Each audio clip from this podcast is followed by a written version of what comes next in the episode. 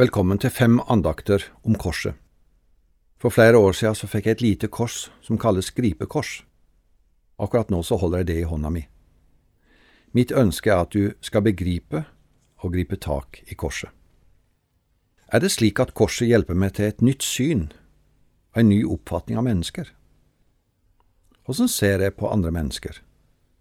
Ser jeg det gjennom korset?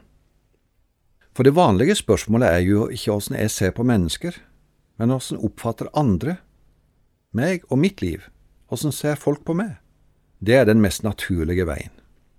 Jeg tror likevel at det er mye viktigere å være opptatt av åssen jeg ser på mennesker, hva slags holdning jeg har, og jeg tenker om andre mennesker.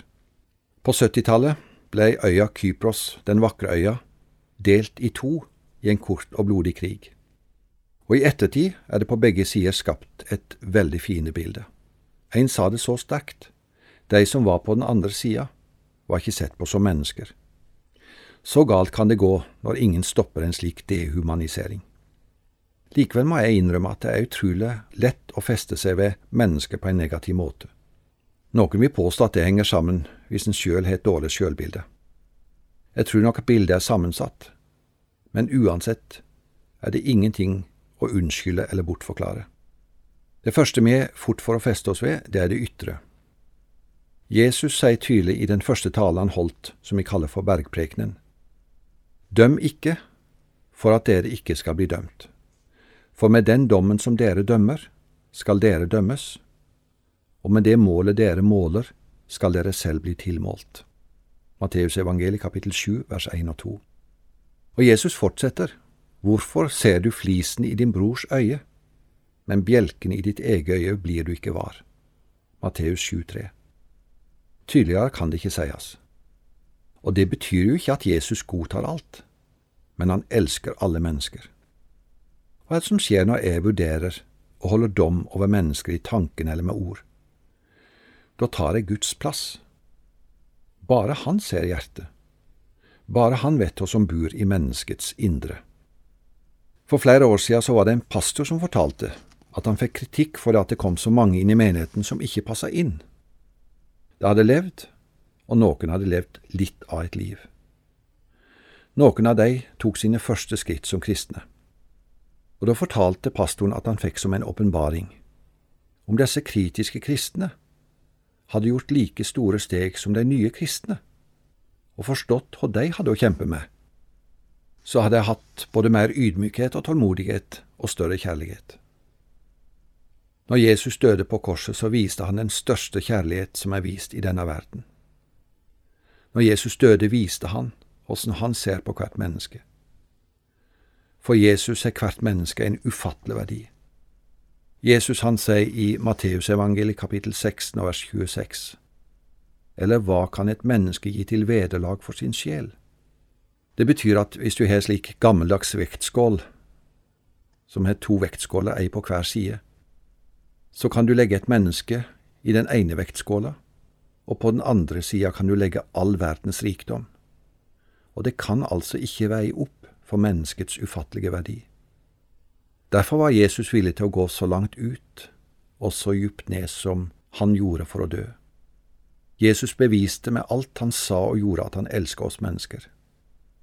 Derfor er det noe av det beste jeg vet, å fortelle om åssen Jesus møtte mennesker som i menneskers øyne ble dømt og fordømt og hadde en dom over livet sitt.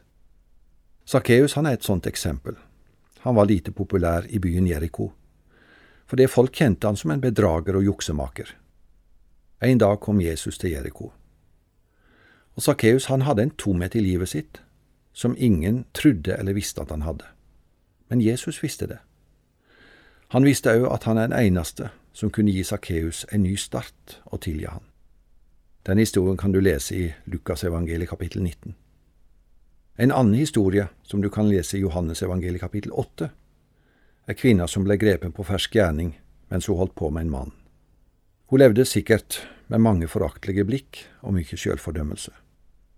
Men en tydelig hensikt, å få Jesus i ei klemme mellom det som var rett og galt, og hans vennskap med syndere, så kjem de skriftlige og de eldste eller skal vi kalle det det religiøse politi, og kaster kvinna for Jesus sine føtter. det de ikke visste, at den beste plassen for en synder er å komme seg og kaste seg ned for Jesu føtter.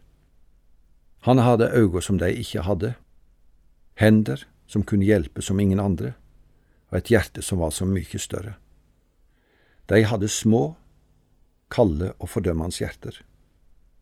Jesus utfordrer de som er uten synd, om å kaste den første stein. Så står det at Jesus bøyer seg ned, skriver i sanden, det er ingen stein som kommer.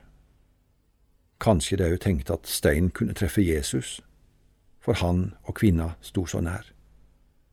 Da rettet Jesus seg opp og sa til henne, Kvinne, hvor er De? Har ingen fordømt deg?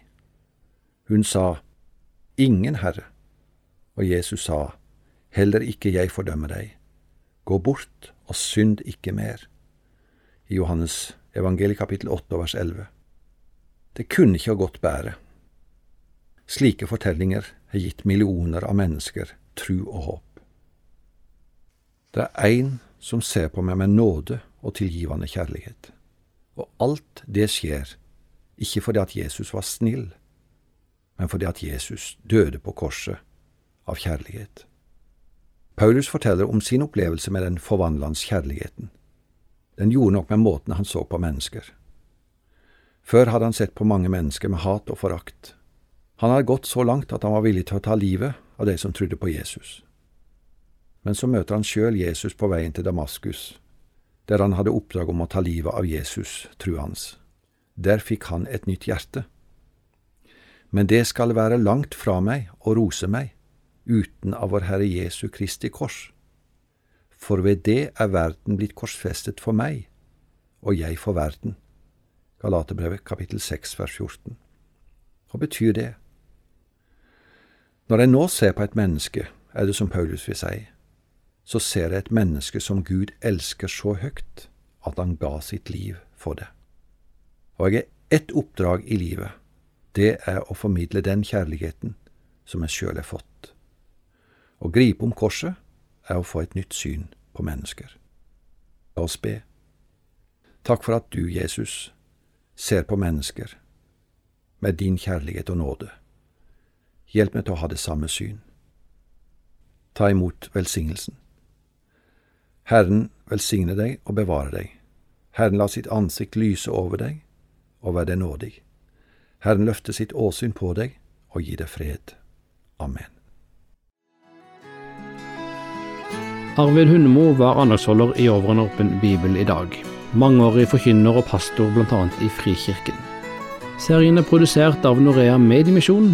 Du kan lytte til vårt arkiv av andakter på norea.no.